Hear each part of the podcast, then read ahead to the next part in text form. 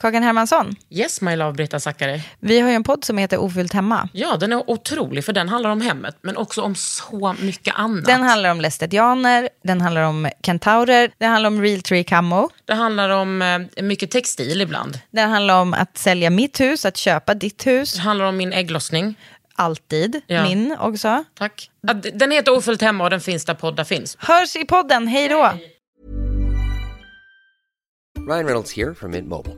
With the price of just about everything going up during inflation, we thought we'd bring our prices down.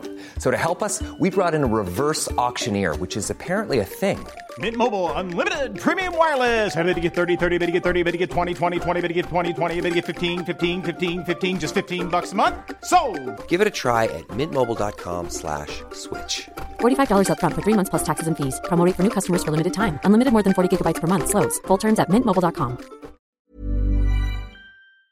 Alltså jag är typ helt ganska oförberedd. Mm, ja, nej men jag med. Men Sara, det var så länge sedan jag såg dig live.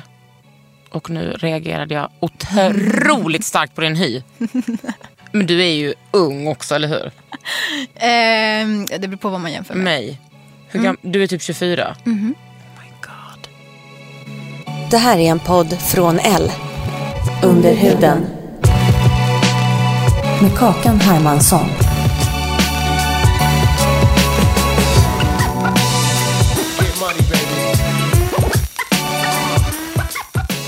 Alltså, är du medveten om att du har en otrolig hy? Ja, men jag har också ansträngt mig jättemycket. Så. Åh, vad skönt. För, eller jag skulle, Nej, inte, bli, jag inte skulle inte så bli besviken om du såg ut så. Men du har ju en så, du vet, sån små porer och helt så glowy. Thanks dad. You're welcome. Berätta om din hy. Ehm, nej, men jag har varit, eh, alltså sen jag var jätteung så har jag alltid känt så här, eller ung, alltså sen jag var barn typ. Alltså fucking, kan det vara, gud vad jag viskar. Nej, men det, här kom, det här går in på etern. Mm, men du ser ju här. Här är en riktig kvinna som pratar.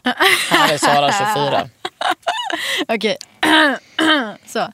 Ja, nej men sen jag var jätteliten så har jag ju alltid tittat mig själv i spegeln. Jag växte ju också upp med att vara en docka typ. För min mamma väldigt mycket. Så jag hade ju två kontraster. Så att det var mycket så här, jag hade på mig stora, jag älskar den estetiken. Så Stora så här, balklänningar och så här. Du vet, jag satt och så tog min mamma en bild. Ehm, Gud vilken lycka. jag vet, men grejen var den att jag hatade ju det så småningom. Liksom. Men det är jobbigt att bli så granskad. Eh, men hos min pappa så hade jag mjukis på mig. Alltså, Är de skilda? Ja, gud, sen jag var noll typ. Eh, men, eh, eh, nej, men jag har pillat mycket på min hy. Alltså verkligen så här, och det är en sån sak som jag hade jättesvårt att prata om alltså, jättelänge. Men alltid varit så här, Alltså för att du tyckte att det var så här vanity. ah, ja, alltså, men också för att jag hade en syster som var så här, radikal feminist. Och, Bra. Ja, men radikal feminist, djurrättsaktivist, ehm, alltså Men vegan, mm. Men jag kommer ihåg hur det var. Man skulle ju inte... äga en spegel. Nej man, nej, man skulle inte ha... Ja men så, gud jag hade glömt det. Att om man var liksom... Man skulle inte ha en spegel och hade man den skulle man absolut inte kolla sig i den. Men du vet det var ju typ så här om man, hade, om man klippte sig eller typ någon rakade av håret. Då skulle man så här, inte kommentera det. Nej. Och, alltså inte ens om det var ens flickvän. Nej. Och det var lite det jag växte upp med eh, som min största förebild. Som var min syster som var Mm. Men utanför. att din syster var så, var det liksom ett uppror mot din mamma? Var, hon lika, var din mamma likadan mot din syrra? Nej men vi har två olika mammor. Ah. Eh, så min syster hade en mamma som var ganska lik henne. Mm. Eh, och var ganska fri i själen. Liksom. Ehm, men jag tror att min syster bara gjorde uppror mot allt. Ja. Faktiskt. Alltså, och det var så skönt för hon la verkligen banan för mig. Alltså, jag tror inte att jag skulle bara när folk frågar mig bara, när kom du ut, jag, bara, jag kom inte ut. Alltså sådana saker. Nej men det är din Ehm, stora syster. vi gör faktiskt mycket. Ja, Åh, och du är också stora syster. Gud ja. Åh. Ja, till en eh, person som eh, sen läste genusvetenskap och är sjuksköterska och är liksom kingen. Men. Ja. alltså, hon var så trött på mig alltså, när vi var unga. För att Jag kommer ihåg en gång när hon hade sina kompisar över och jag, jag bodde inte hemma men jag typ hälsade på. Och så pratade vi om någonting, jag kommenterade någonting feministiskt och så sa hennes en kompis så här, eh, vadå, eh, är du väl feminist? Och min syster bara, alltså snälla om hon är feminist, alltså hon är typ dödsfeminist. Du vet hon var så trött på mig. Jag kommer ihåg när detta var, för hon fyllde år, så jag och min, min mamma fick inte vara hemma. Då gick vi ut och åt och sen när mamma kom hem så stod min liksom syster upp och höll ett sånt feministiskt brandtal för sina kompisar. Så det funkade när jag inte var där liksom. Alltså Men du- fy fan vad fint. Ja men jag kan tänka mig kanske var så för dig med. Ja gud ja. ja, ja. Alltså när jag, eh, med min syster så var det nog, men jag, när jag hakade på min, min syster är också 11 år äldre. Så det var också en till förälder typ. Och en distans, det är fyra år mellan oss två. Så att jag hakade ju på allt min syster gjorde. Så jag fick ju en egen personlighet. Alltså jag fick det också. Jag minns när jag såhär, I våras. ja men typ. Du bara next year. Ja, jag bara wow! Så, eh, upptäcker mig själv. Nej, men, och jag, jag minns när jag gav mitt första så här, typ, gav ett förslag på en bok till min syster. Jag minns när hon tog mitt så här, förslag. Liksom. Ehm, och det var för mig så jättestort att hon, att hon bjöd in mig och bara, men vad skulle du läsa? Typ? Har du något förslag på en bra Du bok? bara Typ. panik. Ja, jag bara, äh, äh, så. Ja, för det måste för jag tänker ju, alltså det är klart jag tänker från min systers eh, vinkel. Men när man har en sån force of nature som jag är som stora syster, då är det så här. Antingen blir väl hon liksom moderat eller så, eh, så får hon bara haka på det här tåget. Och det gjorde hon ju liksom. Um, men hon hade så här, hon är mycket mer, eller i alla fall var när hon läste genus, mycket mer så här eh, brudig och möttes av eh, stort eh, skepsis när hon läste genus. Av? Av typ sådana som eh, jag. När man var så här sur radikalfeminist som bara kollade på henne och bara, "Ah, va? Och hon är liksom otroligt radikal för att vara så straight som hon är. För att det är, ju- kan ju vara... Älskar den skalan också. Ja.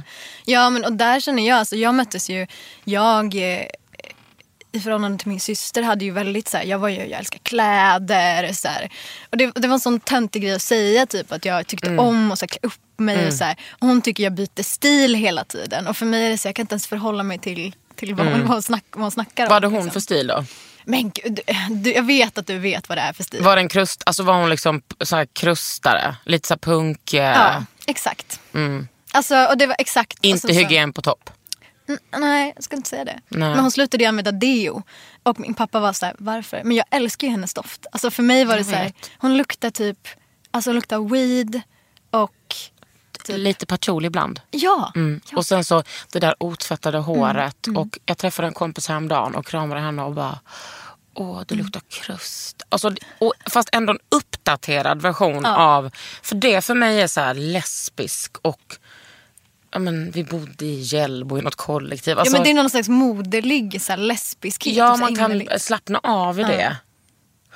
Ja men jag får ju, alltså den känslan, men jag minns också att det var mycket så att vi gick, gick mot varandra för jag kunde stå framför spegeln jättelänge. Mm. Sen alltså, jag rekommenderar inte det för att få en bra hy, att stå framför spegeln. Nej, du menar att du pillar mycket liksom? Jag pillade så sjukt mycket men det Jag var med. också för att jag hade en familj som var så här. Jag växte ju nästan upp som ensambarn. Mm. Och min mamma, för min mamma var ju verkligen ensambarn. Det var ju hennes enda dotter. Mm. Liksom, och så här. Eh, Det är ju fortfarande. She was cute.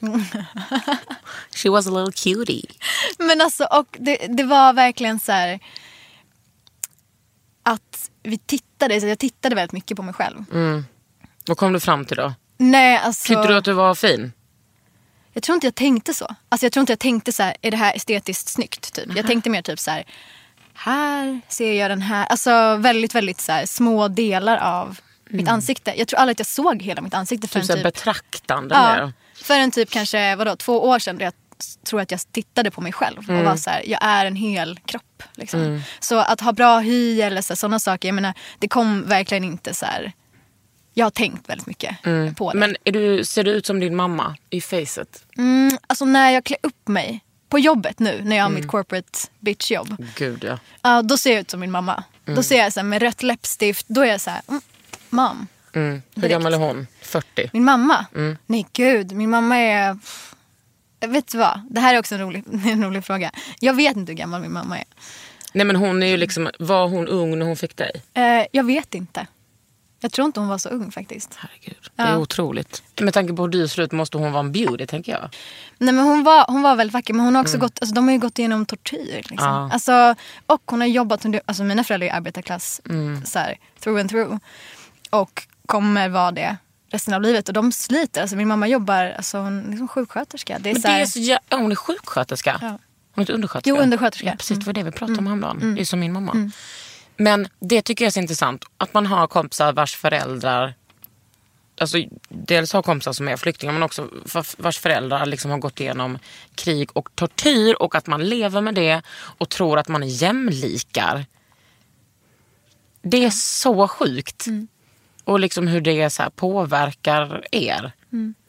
Jo men jag känner, alltså jag har ju inte eh, förstått hur det påverkar mig. Du vet, det är så mycket skit som kommer innan att man, att man kan relatera till sina föräldrar. Oavsett, oavsett varifrån man kommer. Liksom. Eh, men då, all den här skiten som har varit innan har liksom hindrat mig från att vara så här, ah, shit.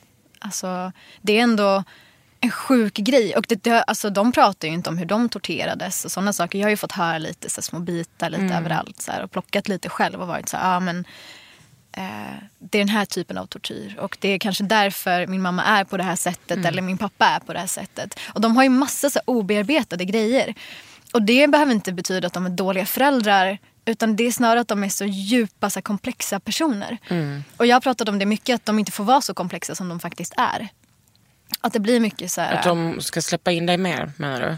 Ja, nej, men snarare också utåt. Att jag, jag har själv inte tillåtit dem och andra tillåter inte mina föräldrar att vara så komplexa som de är. Att de kan ha... Ja, du menar så. Ja, för jag menar, till exempel min mammas reaktion när jag bara, jag ska förlova mig med min tjej. Typ. Alltså när jag friade, jag, jag skulle fria och jag var så här, eh, eh, typ. Och det var ganska länge sedan. Liksom. Och det var så här, eh, jag bara shit, så jag måste inte säga det till min mamma. Liksom.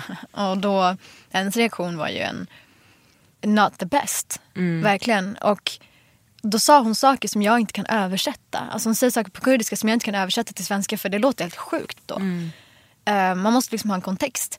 Och nu så, när jag skulle under Pride skulle jag hålla ett panelsamtal eh, med lesbisk makt. Och då så ville hon komma. Alltså det, det hon sa i telefon, jag bara, men alltså jag kommer prata om lesbisk film. Hon bara, ah, vadå, vad tror du om mig? Och jag bara, jag vet inte. Nej. Alltså jag vet inte för att hon är så komplex.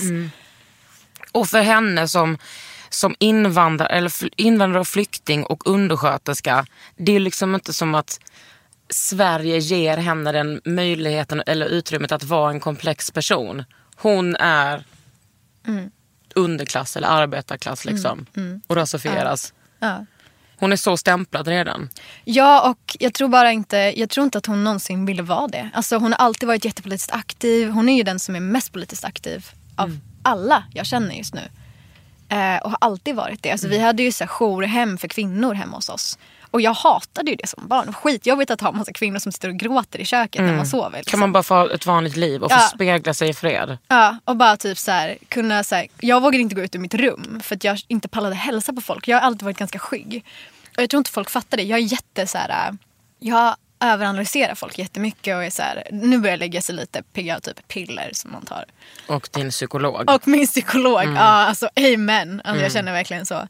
Ehm, men, och att, och att jag så, här, så gammal är jag inte. Jag lär ju mig saker nu också som jag kan använda mig av. Gud, vänta, det ska jag berätta för dig. När jag var i din ålder.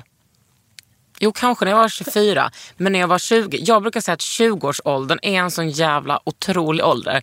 För då har man precis gått ur gymnasiet och tror man precis har blivit vuxen. Och man fattar inte att man har så jävla mycket kvar och, eh, att lära sig. När jag var 20 jag bara, gud tänk att jag är så ung och redan... Vet allt. Ja, nej, alltså på riktigt. Att jag är, jag är så ung och jag är redan en fullfjädrad feminist.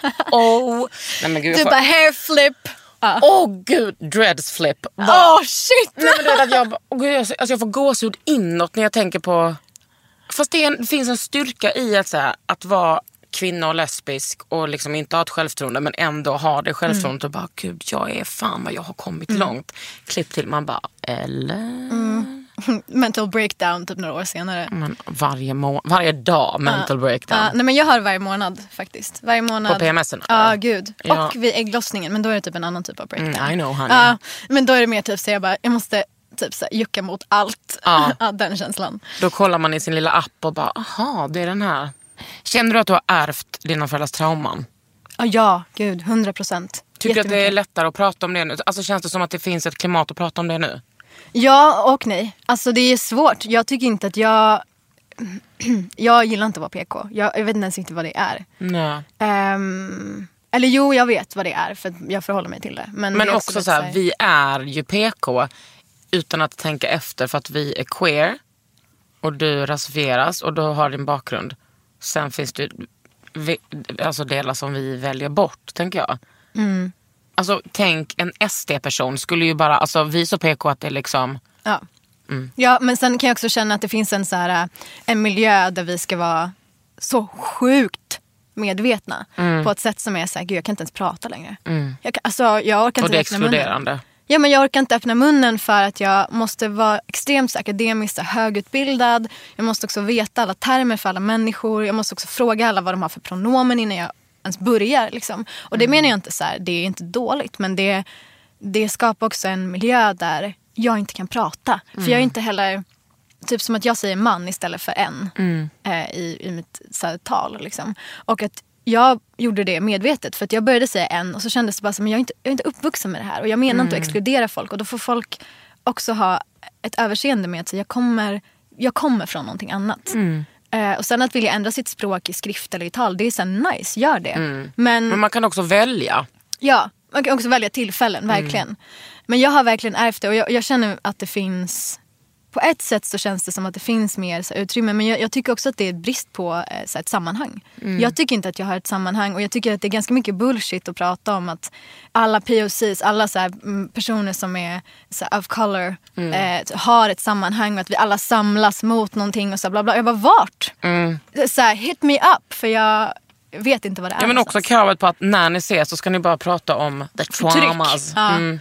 Och bara, hur är ditt trauma? Man bara, jag vill typ så prata om så bullshit poesi. Typ. Det skulle Mm. vara min dröm att bara få så här, ja, men bullshitta mig igenom en dag och tjäna pengar på det. Mm. Du menar som en kille? Ja, exakt. Nej men det är inte så konstigt att kvinnor blir liksom utbrända. Vi måste ju vrida och vända på exakt allting hela tiden. Lägg till typ då att man är förtryckt på olika sätt eller har ADHD. Jag bara räcker upp handen. Gud. Jag är så trött på, alltså jag har den här Vajana-låten. Vajana gör platt, Vajana det är så här. Motto nu is all we need. Den låten, You're welcome, den har jag i huvudet dygnet runt. Alltså när jag ska sova, när jag är vaken, när jag, ska, alltså, när jag sitter och skriver. Jag har den låten i mitt huvud hela tiden. Har du sett Vajana? Nej. Det är en otroligt tecknad Disneyfilm. Ja, men det är roligt att du har sett den för jag har ingen koppling till Disney-filmer längre. Jag kan ju bara de gamla Mm. svenska. Jag älskar att sjunga svenska gamla Disney-låtar. Eh, det gör jag ju för alla mina, jag har gjort för alla mina ex. Att jag sjunger gamla. Och hur tycker du det har gått? Eh, It's over. It's over. Ja, de, det var då som det. det. Ja, som där. bara- De bara... "Ah." Det är liksom, du bara, de bara ber om, du bara nej Disney. Ja, jag bara kom och lägg dig i mitt knä, jag ska sjunga för dig. Det har varit så på riktigt. Oh my god. Och de har mottagit det. Ja, gud. Men erkänn att du är som en sån cute liten fam och sen så är du superdominant. Ja. Så där är det alltid. Och sen så, så är du tillsammans med någon sån tuff butch som är helt undergiven. Japp. Eller inte alltid, men jag har ju en, eh, jag har ju en, jag har ju, måste erkänna att jag har en, en så här, alltså jag, jag vet att många fams liksom möts av det här, men du vet att jag ser någon och bara, är det en 12-årig pojke? Eller är det en snygg butch? Eh, och att jag skäms lite samtidigt som jag totalt embracear alltså det jag dras till sexuellt. Men grej, grejen är också så här. det är ju för att det är en butch. Mm. Hade det varit en 12-årig pojke hade det ju liksom varit varning på dig Sara. Ja, nej. Men det är ju inte en, det är väl just det så. Ja, det är för att under det där så är det, det är en butch. Alltså det är, det är en person som, som också har gått igenom så mycket alltså så här sjuka grejer som har valt så här, ett uttryck. Eh, Och, och kanske inte ens valt utan Nej. Mm. det är, finns inget val. Är man butch så är man liksom. Och det är fan inte lätt. Här Mm. Men- kan strutta runt i ett par höga klackar med en fyllig stjärt och bara premieras för sin kvinnlighet. Liksom. Och sen tvärtom också. Jag kan känna att i många branscher så är det, alltså det är klart att det är ett privilegium att få vara normativ i sin kvinnlighet. Liksom. Men jag kan känna också att jag, när jag varit med en person som som är mer maskulin liksom, Mm. i sitt så här, uttryckssätt.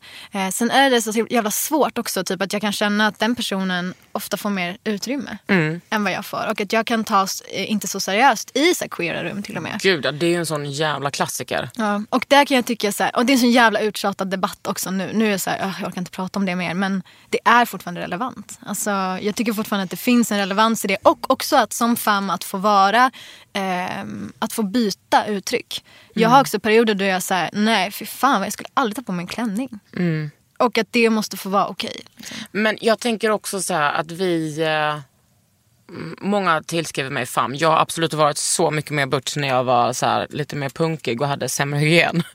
Men eh, jag tycker också ganska ofta att jag står i kontrast till min flickvän. Alltså inte, inte hon som jag är tillsammans med nu, bara att jag menar alla de som jag varit tillsammans med. Att min förra flickvän var supertjej och hon hade alltid det där att hon inte togs på allvar av så här, i den punksvängen som vi var. För att hon såg ut som en, ja, men fotomodell.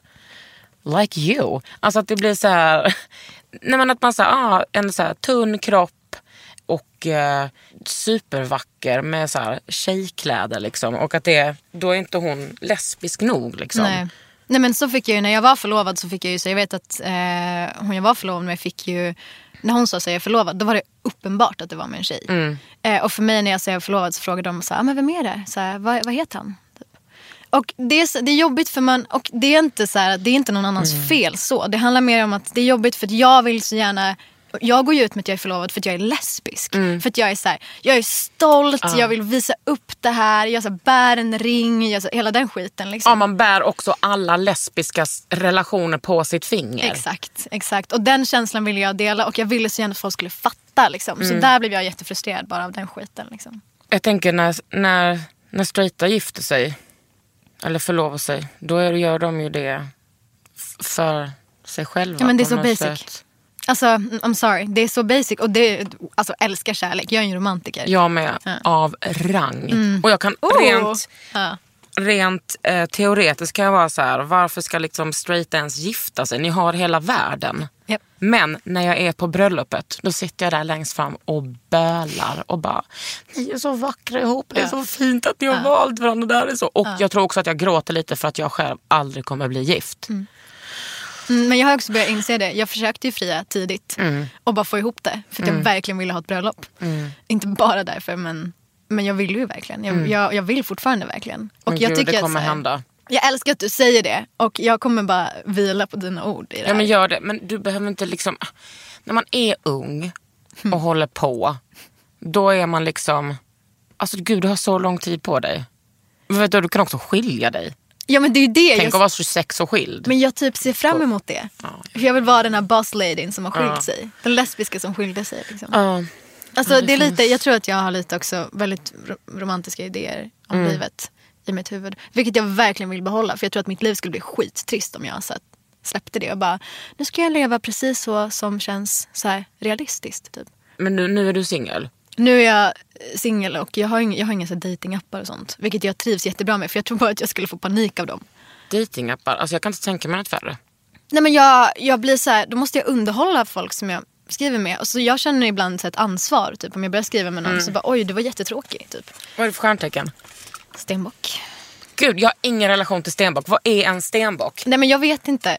Jag är typ, alltså jag är absolut inte, jag, jag är också, vad är cancer? Kräfta. Ja. Nej, men vänta, ska du bara, jag är kräfta i ascendenten. Nej men. Var det du skulle säga?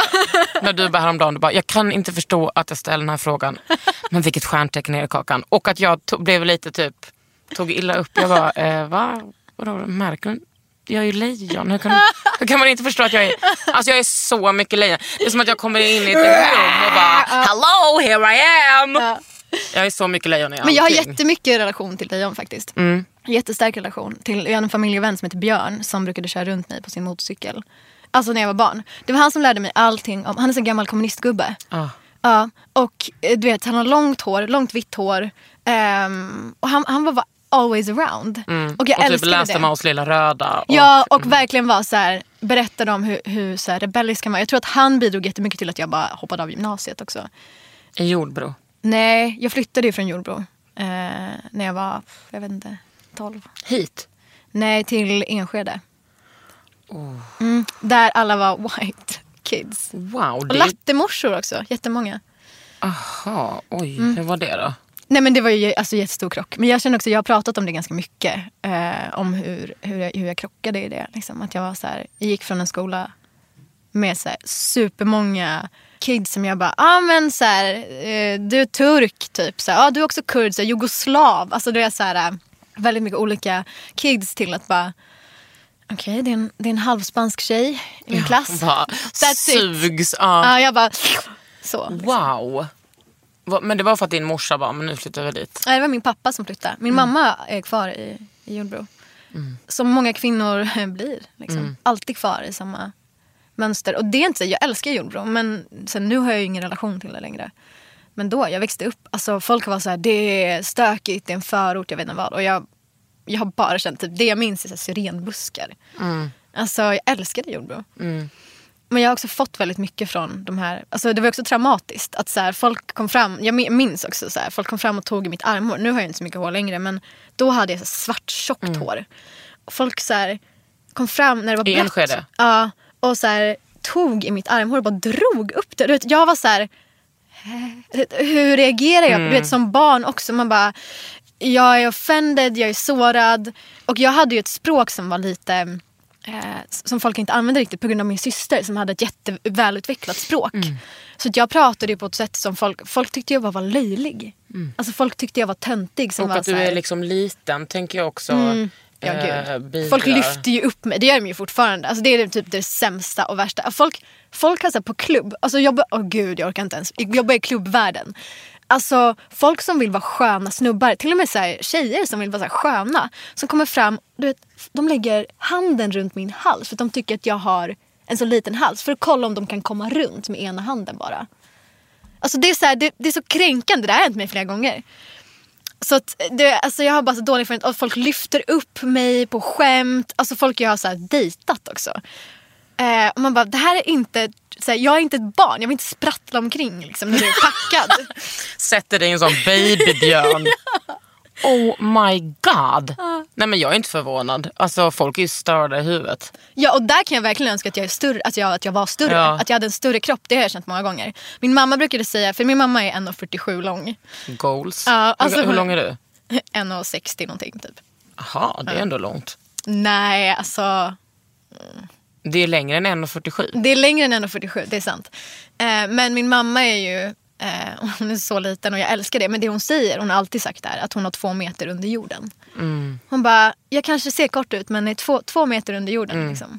Ner i marken. Och, då, och där känner jag verkligen så här, hennes rötter, alltså, de går ju fucking till andra sidan jorden. Ja, Det har jag känt. Jag läser Hunger nu av Roxane Gay. Har du läst den? Nej, Ja, det handlar om att hon blev våldtagen, gruppvåldtagen som jätteung flicka. okej jag ska inte läsa den. Eh, nej, triggervarning säger jag nu i efterhand. Mm. Nej, men, och att hon äter, alltså, hon vill ha en stor kropp för att skydda sig. Och det känner jag igen så väl. Shit. Att vara en stor, typ så tjock, hårig tjej har bara räddat mig från så mycket att liksom aldrig bli sexualiserad. Eller det blir jag ju ändå nu, men då när jag var yngre. Och att kunna välja det. Och folk var så här, varför vill du vara så ful? Varför vill du vara så äcklig? Har liksom folk frågat mig. och varför, och man bara, fattar inte ni att så här och då har jag ändå blivit så här, mobbad hela min uppväxt för att jag är tjock och äcklig och bla bla bla.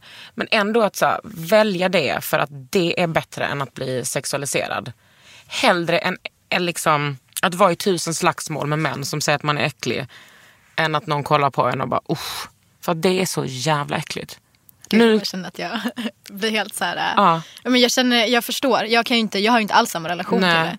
nej men Jag- jag tänker att du har ju en helt annan relation för att den tunna lilla flickan är ju en sån god sexdröm för män. Att kunna, så här, jag märker det på mina eh, små, mina små kompisar. jag märker det på mina kompisar som är tunna. Att det är så här, killar blir galna i små tjejer. Man kan flip them around. Och det är typ så här, Alltså jag menar, vi har ju en porrkultur som är så pedofilskadad. Där liksom det bästa som finns är tjejer som ser ut som 14. Små bröst, Mm, men man no får ass. knulla dem. Ja, ja, gud ja. Alltså, och det där är så jävla... Ja, nej men alltså jag känner att jag... mm, Alltså, om jag hade haft en annan utgångspunkt så tror jag att jag hade använt min håriga kropp på ett helt annat sätt. Jag tror att jag hade eh, jag tror att min syster gjorde mycket så. Nu vet inte jag, nu kan inte jag tala för henne. Liksom, men, men jag tror att det handlade mycket om att inte vara vacker. Att inte vara attraktiv för den manliga blicken. Liksom. Eller för någon egentligen. Att bara få vara... Ja för då vet man också när man väl då träffar en, en tjej så är det liksom på helt andra villkor. Precis. Men också som jag har pratat om innan, så här, i den så här lesbiska, anarkafeminist, radikalfeministvärlden då skulle man vara så här hårig men man skulle fortfarande vara smal.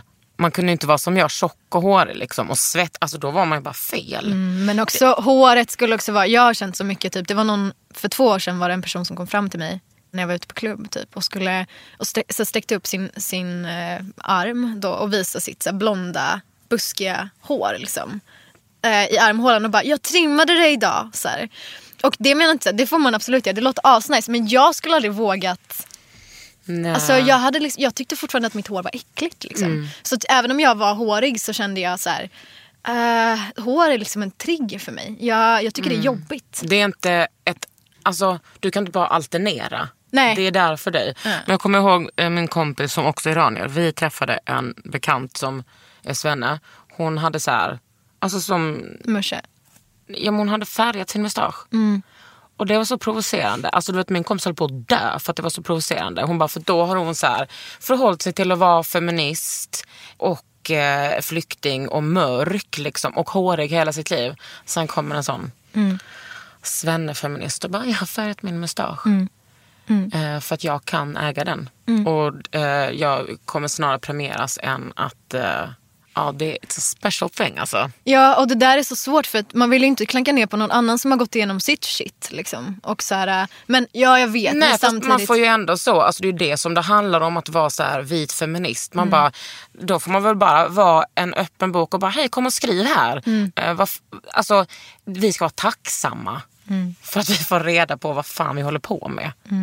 jag, bara, jag har ingen kommentar på det. Men, men jag, eh, gud, jag känner verkligen att jag blir så arg. Eh, Under huden. Mother's Day is around the corner. Find the perfect gift for the mom in your life with a stunning piece of jewelry from Blue Nile. From timeless pearls to dazzling gemstones, Blue Nile has something she'll adore. Need it fast? Most items can ship overnight. Plus, enjoy guaranteed free shipping and returns. Don't miss our special Mother's Day deals. Save big on the season's most beautiful trends. For a limited time, get up to 50% off by going to BlueNile.com. That's BlueNile.com. There's never been a faster or easier way to start your weight loss journey than with PlushCare.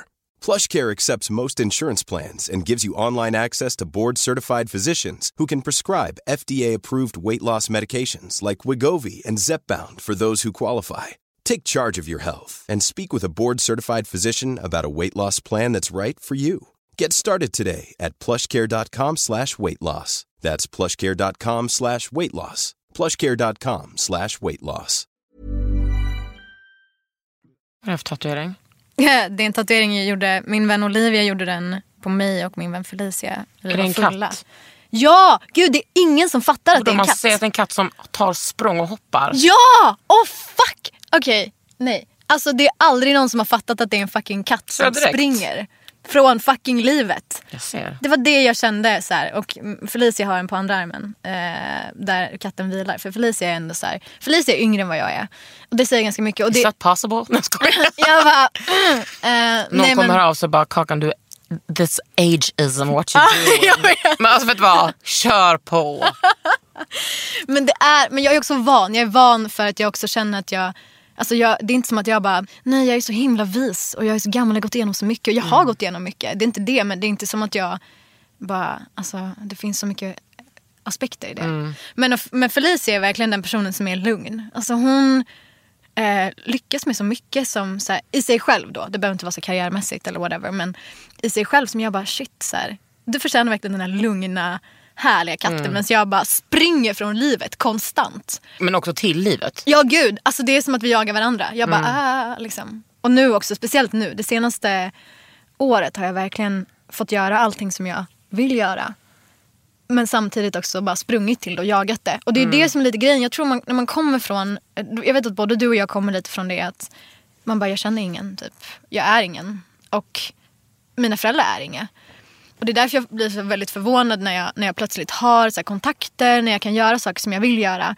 För att jag bara wow. Eller så här, för det mig är det en så stor, ja det funkar. Där har jag ju varit så länge nu så att jag, eh, det är liksom inte nytt för mig. Men det är Mm. kul att prata om det och tänka tillbaks på det. Ja. Men så, för mig är det så när jag är utomlands, att när jag är utomlands är jag bara en tjock tjej. Mm. Alltså ingen... eh, Alltså jag kommer ihåg jag var inne på en, så här, en, en så här lite fin butik när jag var på Mallis och skrev min bok. Då gick jag in, då kollade liksom bara personalen på mig. De sa inte ens hej. Jag bara hello. De typ så kollade på mig. Sen när jag var på väg ut så typ skrattade de. Då gick jag tillbaka och typ skällde ut dem. Och det var, alltså så var det ju för mig innan. Att då var man bara en, en, så här, en tjock tjej. Men nu är jag ju liksom, folk vet vem jag är här. Det, och det är ju på gott och ont. Men det är lustigt var livet liksom tar en. Ja men jag tror också att det kan vara nice att ta den platsen. Eller så här, jag tror att du har ändå den personligheten att, alltså, att fylla den platsen tänker jag. Ja nu gör jag ju det. Ja, eller så här, det är inte som, ja precis. Det är inte som att det så här, finns någon skillnad eller så någonting annat. Nej. Men du, hur går det med din strippklubb? Jag bara, det tycker fortfarande det är spännande att någon säger det. Ja. det men det går faktiskt eh, jättebra. Berätta om liksom eh, idén. Idén, alltså jag har ju alltid varit så här, intresserad av porr. Och så här, Men det är så intressant. Skulle du säga direkt att det står i att det är samma sak som alltså porr och stripp? Nej gud. Nej, vi- nu ska jag inte avbryta. Nej. Du har aldrig varit, alltid varit intresserad av porr. Jag har alltid varit intresserad av porr men på olika alltså, nivåer. Sen jag vet att jag, jag var ganska så här, äh, lite, ja men jag, hade en, jag kände att jag ibland hade en konstig relation till sex. Speciellt när jag typ började dejta killar. Alltså när jag, jag hade typ en pojkvän och där jag kände att det här är weird. Typ. Och vad jag tyckte om och inte. Och så här, varför blir jag kåt av det här och inte. Och så här, mycket att det, alltså det kommer så mycket från porr. Och även om man inte tittade på så mycket porr så blir man ju ändå påverkad av det. För jag, jag skrev om det här när jag gick i åttan. När jag var 14. Wow. Ja, så i åttonde klass liksom. Eh, så skrev jag om den kommersiella porrindustrin. Jag vet, jag har det här. Du ska få läsa. Den är, det är liksom en sida bara, men den är så bra. Ehm, Det var som att jag skrev om eh, eh, folk som konverterade från Svenska kyrkan till romersk-katolska kyrkan när jag gick i åttan. Det är olika ämnen, absolut. jag bara, Men man, man är ju intresserad av olika saker. man är intresserad av olika saker. För mig var det sex. Ja. Eh, och porr, verkligen. Och hur, för jag såg, eftersom jag tittade mycket på mig själv. Jag brukade posa väldigt mycket så här, det var så pornografiskt på något sätt också. Men var det för att du hade en referens till porr eller var det för att du bara... Alltså visste du att det var en porrreferens? Jag visste att det var en porrreferens. Ja. För att jag var, jag var Det är den. så olika generationer, det är så Ja, tydligt. ja, gud. Ja, ja. Men jag, också, jag växte också upp med att ha access till allt. Alltså när jag var 24, jag tror aldrig att jag hade sett... Alltså jag har typ sett en porrtidning i skogen när jag var liten. jag bara, förlåt. Nej men alltså, ja men jag, jag förstår verkligen Ja. det. För att jag, jag Alltså, också... Jag såg inte den där porrtidningen när jag var 24 utan när jag kanske var 9. Men jag menar bara att jag hade inte så här. Vad fan är porr? Nej, nej men alltså internet. Mm. Nej men verkligen. Och jag var den som, alltså jag var fortfarande den generationen, eller jag är fortfarande den generationen där det tog väldigt lång tid att ladda saker på Mm. nätet. Vi hade internet men det tog lång tid. Och man var tvungen att sätta sig dedikerat när ens föräldrar inte var hemma. Och leta Mm. Och bara, upp det. äh, ringa leta upp. Leta upp det man faktiskt ville ha Ja. liksom, och bara vara så här, okej. Men hittade du då, för jag tänker att porr är så, alltså det mesta är ju så B. Ja, och det var det som gjorde att jag tror att jag var väldigt intresserad av porr. Jag var den av mina vänner som alltid introducerade alla andra för porr. Så jag var alltid den som förstörde mina vänner. Och det är ju fortfarande att jag är den som så här, nu tycker jag inte att det är att förstöra. Nu tycker jag mer att det kanske är, En light. ja verkligen.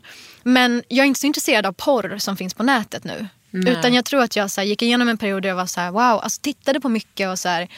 Och allting finns ju. Det är det som gjorde att jag tyckte det var nice för att allting finns. Allting finns, vad du än kan så här, vad, tänkas bli kåt av. Sen kom jag in väldigt mycket på, från att gå från så här, jag tyckte det var lite jobbigt att titta på vanliga, alltså riktiga människor. Och sen slutade jag titta på porr helt när jag var kanske 15. Tittade inte alls, kände inget behov. Nej. Men sen när jag blev typ när jag var vid 20, liksom fem år senare så kände jag så här, fan jag tycker ändå det här är ett intressant ämne. Och då började jag också fundera över just, jag tänkte, för jag jobbade som, när jag var 21 så åkte jag och jobbade som pokerdealer och strippa.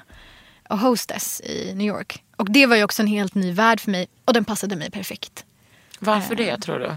Men jag trivdes väldigt bra i den miljön. Jag trivdes jobba natt, trivdes med att klä upp mig, gå in i en roll. Jag trivdes med att dominera. Eh, alltså det är en äcklig miljö, jag ska inte så här, f- alltså, försköna det på det sättet. Att vara hostess till exempel, där du underhåller rika klienter. Men. Ja, ehm, och jag till exempel hade aldrig sex med dem. Utan Mm. jag var mer så här, äh, jag hade mer Hur fick du det jobbet? Alltså Craigslist, boo. Ja, man måste veta vad man söker. Jag kände någon som jobbade på samma ställe. Ja. Jag hade jobbat lite med det i Paris. Ehm, och sen hittade jag samma, så här, samma ad i New York och var så här, jag testar det här, jag tar med mig en vän, så går man dit på intervju. Och så, de let, jag hade långt hår då, så jag var Mm. jättesuperfammy. Alltså, ehm, hade långt hår, var kanske typ sötaste, på sötaste nivån jag varit i mitt liv. Och var liksom den exotiska drömmen lite grann, den persiska Mm. prinsessan. och det var svårt, alltså det är svårt att ta i. Liksom. Ja. Men, hur känner du att vara i en position, nu lägger jag i och för sig orden i din mun, Mm. att vara i en position där man faktiskt kan välja om man ska strippa eller inte och bidra till en norm, norm versus de som inte kan välja. Hur känner du med att bidra till den normen? Ehm, jag tror inte jag tänkte så mycket på det då. Nej. Jag också kände så här, jag hade hoppat av gymnasiet, jag hade liksom ingen annan inkomst. Ehm, och jag är jätteprivilegierad som kan så här, ta de besluten, åka till New York, jobba där, bla bla bla. Jag tror att ehm, jag tror att i den positionen jag var så kände jag inte att jag eh, nödvändigtvis bidrog till någonting eller gjorde det på det Mm. sättet. Jag tror att det var mest så här, jag upplevde någonting och sen nu pratar jag om det så nu är det skillnad. Nu känner jag mer att jag kanske bidrar till en norm. Eh, eller bidrar till att norma- alltså jag vill ju normalisera eh, sex, Mm. eh, så här, sex work för att jag, det sker ju. Alltså det går ju inte att Mm. prata om det på något annat sätt. Men Jag skulle aldrig kalla det sexwork. vad skulle du kalla det? Alltså eh, strippa för strippa och eh, de som säljer sig, kvinnor som utsätts för prostitution. Ja, ja absolut. Det är skillnad. Mm. Det är jättestor skillnad. Och där tror jag att, jag tror att ibland får var och en definiera sin egen kropp och sin, Gud, sitt ja. eget arbete. Mm. Eh, Men för mig var det verkligen, jag hade jobbat med de sakerna lite innan och jag kan inte säga att jag kom in på det av så här, eh, fantast, på fantastiska grunder. Liksom. Det var inte som att jag bara, det här this is a great job. Liksom. Mm. Och jag älskar allt som händer i det här jobbet. Men det var det jobbet som passade mig då. Mm. Ehm, Men nu vill du eh, nu vill du nischa det liksom. Så Ja. att det blir queer. Ja och inte bara, det har varit queer jättelänge. Mm. Det är verkligen inte att säga jag nischar det. eh, Nej men jag menar på din, på din strippklubb. Ja, På din ja, och strippfest eller vad man säger. strip, ja, nej men det är en strippklubb. Ja. Det, och jag, ja, alltså, det är verkligen en strippklubb. Och drömmen är ju att kunna göra det så ofta som möjligt och på de villkoren. Vem får komma och vem får strippa? De som får strippa det är kvinnor, femmes, eh, lesbiska eller personer som eh, är liksom trans eller icke-binära. Mm. Men där är det lite så här, det är väldigt, jag vill ha så lite maskulin energi som möjligt. Jag vill inte att det ska bli så här att alla femmes strippar för alla butchar typ. För det blir också en så här, jag vet, jag Men vet, hur ska du förhindra det då? Jo men det har gått, det har gått jättebra. Mm. Men för visst är det för att jag såg på din Instagram att du, så här, att du sökte. Mm. Mm. Så att du har ändå en urvals eh, process Ja. där du väljer. Ja, och Mm. där är så här, ehm, det kan kännas lite exkluderande och sådär men jag försöker ändå skapa ett space där alla känner sig bekväma. Mm. Eh, och det är viktigt för mig. Och just det här med porr som är kopplat till det, jag tror att jag kom in och det jag menar med det som inspirerar mig nu, för det Mm. kommer vara ganska mycket porr där. Hur Ehm, då? Det, ehm, det kommer vara lite projektioner och lite så här äh, på festen. Det, är ju en stor fest. Liksom. Mm. Där det kommer vara, jag kom in på animerat när jag blev äldre. Mm. Att titta på så animerad porr, hentai. Mm. Och speciellt då en viss kategori som är futanari. Vad är det? Det är, jag bara let me tell you. Gud, jag känner mig så gammal. Nej, men, och det är så här, men är man inte intresserad så hittar man det inte. Det är det som inspirerat mig mest faktiskt inför den här klubben. Mhm. Eh, och klubben var ju bara, det var någon som bara, ja men du borde göra det här. För jag nämnde det liksom, eh, förra året och så bara, var någon som borde göra det så gjorde jag det. Futanari är liksom oftast kvinnor med stora bröst. Mi? Eller Ja. måste man vara tecknad? Nej du måste inte. Du måste inte. Eh, det är liksom den genren. Men, Mm. men så stora bröst och så, som där de har liksom, i det här, i det hentai då, som där det är tecknat. Mhm. Där, det också, där de också har en kuk och en fitta. Mhm, Och hur ser det ut rent... Eh, Eh, det kan vara typ att kuken växer fram när de är så riktigt kåta. Och sen har de en fitta och så sätter de på varandra. inte sig själva då, för det skulle vara smart. Det kan de också göra. Och det kan också bara vara så här, alltså, nu tar jag på mina bröst här när jag ska försöka förklara det här. För att det är bara så, jag, jag, alltså jag kände verkligen att jag kunde, det är det jag verkligen blir kåt av. Det är verkligen det som jag tycker är intressant. Att, för det är också min dröm och jag tycker att det ska vara så här, att vara ärlig som lesbisk. Att alla behöver inte, jag, jag önskar mig inte en kuk. Liksom. Jag vill inte ha en snopp. Alltså jag, skulle bara in, jag vill inte ha det. Men när jag så här, blir riktigt kåt då kan jag känna så här, fan vad nice. Att om det bara kunde komma en liten liten Ja. kuk som jag kunde, så här, alltså, som jag kunde använda. Jag tänker att de flesta som har sexuella, alltså alla sexuella fantasier är väl beyond ett, ett liksom vaniljsex. Ja. Men jag tror att det är viktigt att sätta ord på och också visualisera. Mm. För att jag tittar så här, det tog mig jättelång tid att hitta till det här och förstå att så här, det är det här som gör mig kåt. Alltså jag tycker det här är intressant. Mm. Men är det intressant för dig för att det är, nu ska inte jag trampa någon på tårna, men det är, går väl inte IRL? Ehm, Förutom typ så här trans eh, killar som har typ en transfitta och en kanske så här förstorad eh, Klitta, liksom. Ja, transklitta. Ja, nej men jag, ja, alltså det, finns ju ett, det finns ju en aspekt i det som är att det är en fantasi. Alltså Mm. att det inte går. Eh, att de så här har så här sjukt stora kukar som de kan komma med. Liksom. Mm. Det, är ju, alltså, det finns ju en, en lek i det och det är det jag kommer jobba med mycket. Att så här, det, finns, det är det som är fantasin. Det är Mm. det som är det intressanta. Men jag tror att just inför strippklubben, att för mig är det väldigt viktigt att, att strippa inte med en smal kropp. Liksom, Mm. Utan att strippa med en kropp. Och där känner jag att jag kommer inte gå ut och bara jag vill ha tjocka som strippar. Nej. Utan då är det så här, hej jag vill involvera er som jag involverade, de, de jag har involverat. Liksom.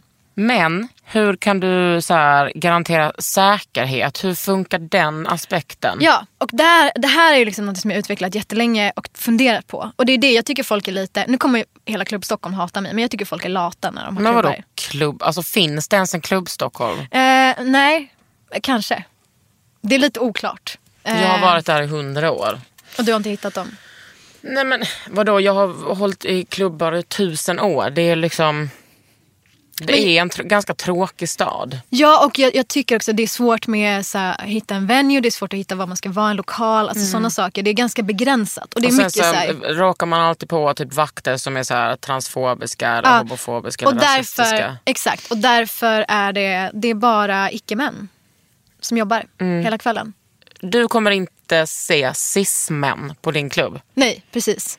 Eh, det kommer inte vara, och där, för mig är det så här, eftersom det är en så himla, förut var det ju en liten källare och då, där kunde jag ju begränsa vilka som kom in. Liksom. Mm. Det, jag tror det var typ ett gaypar, alltså ett cis, cis-snubbar. Liksom.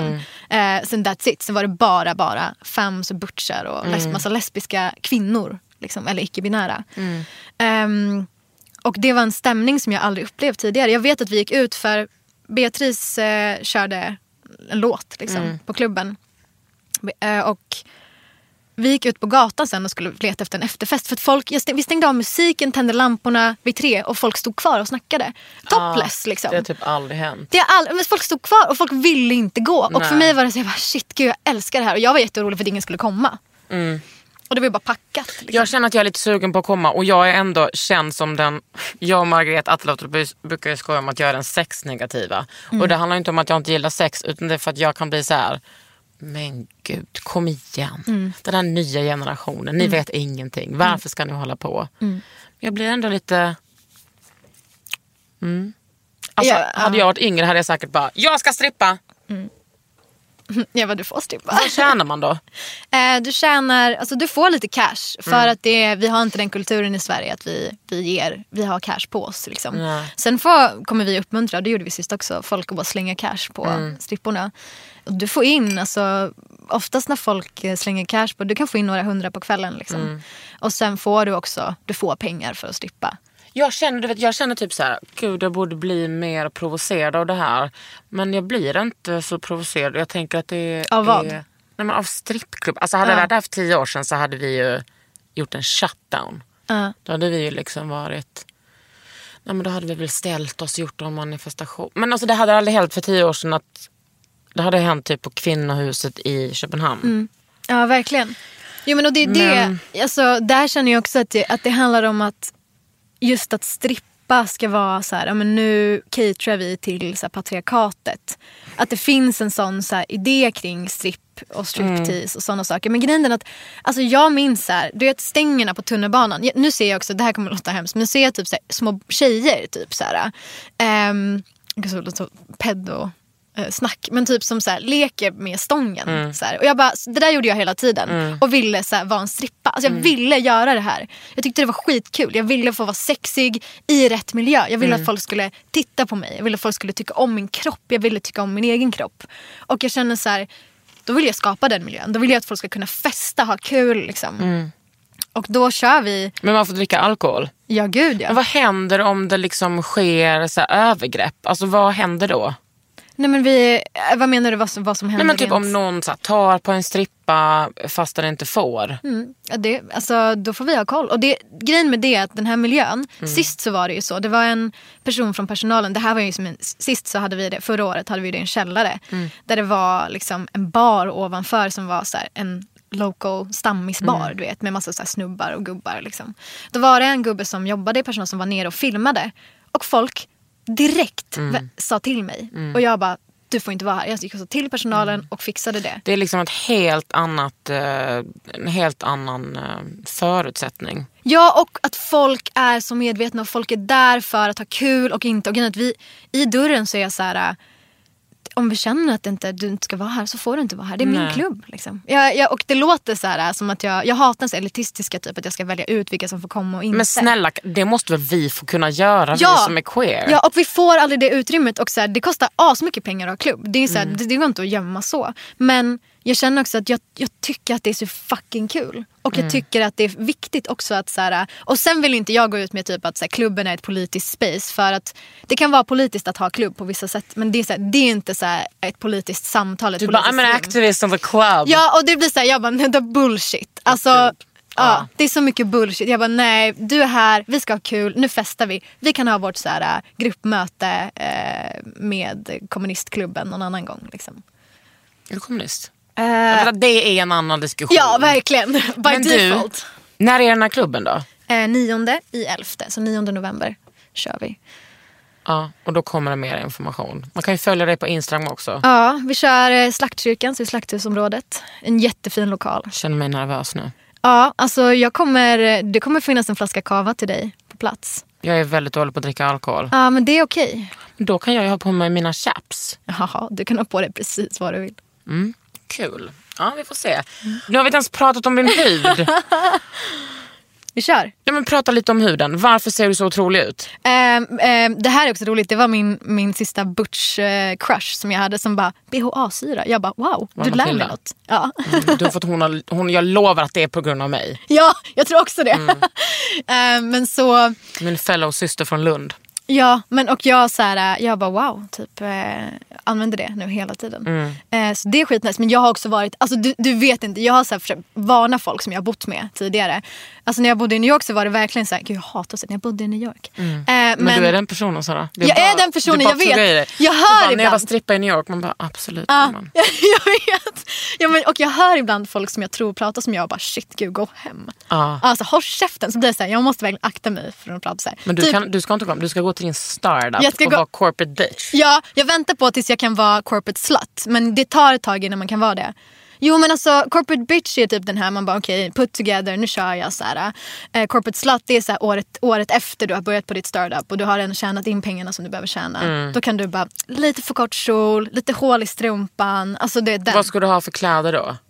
Corporate slut? Mm, läder. Ja. Alltså lädersuit som är en kjol som är lite för kort liksom, så man ser upp. I stjärtig. Ja. Och jag har ju inte så stor rumpa vilket jag önskar att jag hade men Det kan du. Jag kan, du vet. Men du, får också, du kan bara Injektioner också. det. Nej, håll inte på. Men alltså, vi är så dåliga på att prata om din hud. Men vi säger BHA då. BHA men också, också att jag har eh, varit den som bara gör hemmagjorda masker. Yoghurt. Alltså jag lovar. Nej jag vet, jag vet. Du hatar mig. Eh, Nej, men jag, nej, jag älskar dig men jag är emot hemmagjort. Ja men det är jag också nu för att jag inte pallar och för att jag du vet det ruttnar typ. Alltså så här, jag bara jag ska göra min egen mask så. Ah, och så står jag så här och bara har hällt i eh, olivolja, yoghurt och sen du vet så här. Honung typ. Ja och det värsta jag gjorde en gång det var att ha gurkmeja i.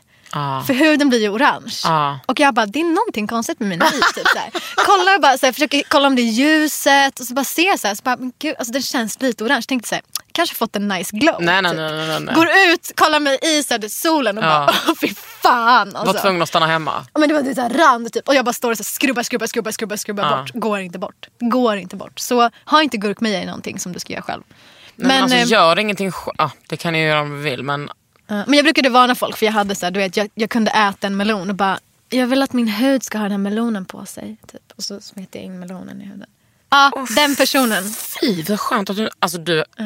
Nej men nu kör jag bara BHA fucking syra. och återfukta gör du väl? Ja, som fan. Men jag använder ju Bepanten, du vet. Som jag har på... Ja, Men jag har ju inte, jag har inte problem med fet jag är ju snarare torr. ja jag med. Men du har Eh. he- alltså ditt glow, du har, he- alltså, du har Bepanten. drömhud. Ja, Bepanten. That's it. Med drömhud, förutom när jag har några dagar när jag har PMS, då min hud bara Ja. Och där det kommer ut, så här, du vet, och när man har en hy som är så här, ganska ren ändå. Så kommer det så här, en prick, här brukar jag få en prick, mitt mellan ögonbrynen. Som bara, hello. Mm.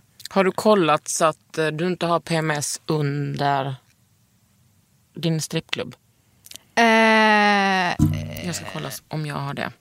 Gud, jag måste verkligen Jag kommer säkert ha det. Jag kommer säkert ha det, eller så kommer jag ha mens typ. Men då kommer jag bara få ride it out. Det bästa är ju typ, oj jag älskar jag har också den där appen. Mm, nu ska vi se. Jag har haft den lite för länge. 9 november. Nej, jag har fan med PMS då. Ja, Nej, men- det har jag inte. Jag har inte det. Ja, men det kommer vara positivt. Det jag älskar också med klubb är att, speciellt mina klubbar, nu snackar jag så jävla mycket gott om mig själv. Men eh, vilket jag också lärt mig att man måste göra. Ja, gud. Annars, ja men också så här, eh, fuck it.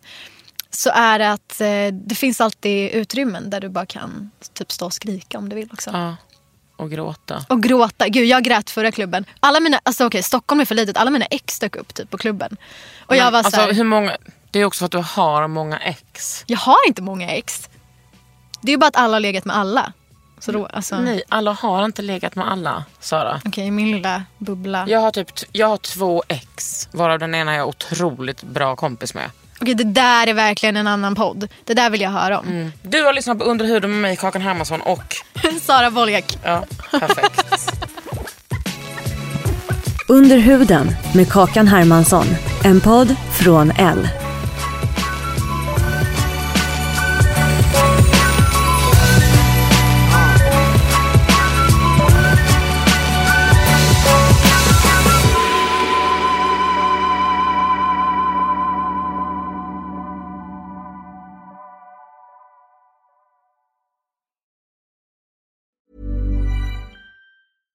Hey, it's Paige DeSorbo from Giggly Squad. High quality fashion without the price tag. Say hello to Quince. I'm snagging high-end essentials like cozy cashmere sweaters, sleek leather jackets, fine jewelry, and so much more. With Quince being 50 to 80% less than similar brands. And they partner with factories that prioritize safe, ethical, and responsible manufacturing. I love that. Luxury quality within reach. Go to quince.com slash style to get free shipping and 365 day returns on your next order. Quince.com slash style. Mom deserves the best, and there's no better place to shop for Mother's Day than Whole Foods Market. They're your destination for unbeatable savings, from premium gifts to show-stopping flowers and irresistible desserts. Start by saving 33% with Prime on all body care and candles. Then get a 15-stem bunch of tulips for just $9.99 each with Prime. Round out Mom's menu with festive rosé, irresistible berry chantilly cake, and more special treats. Come celebrate Mother's Day at Whole Foods Market.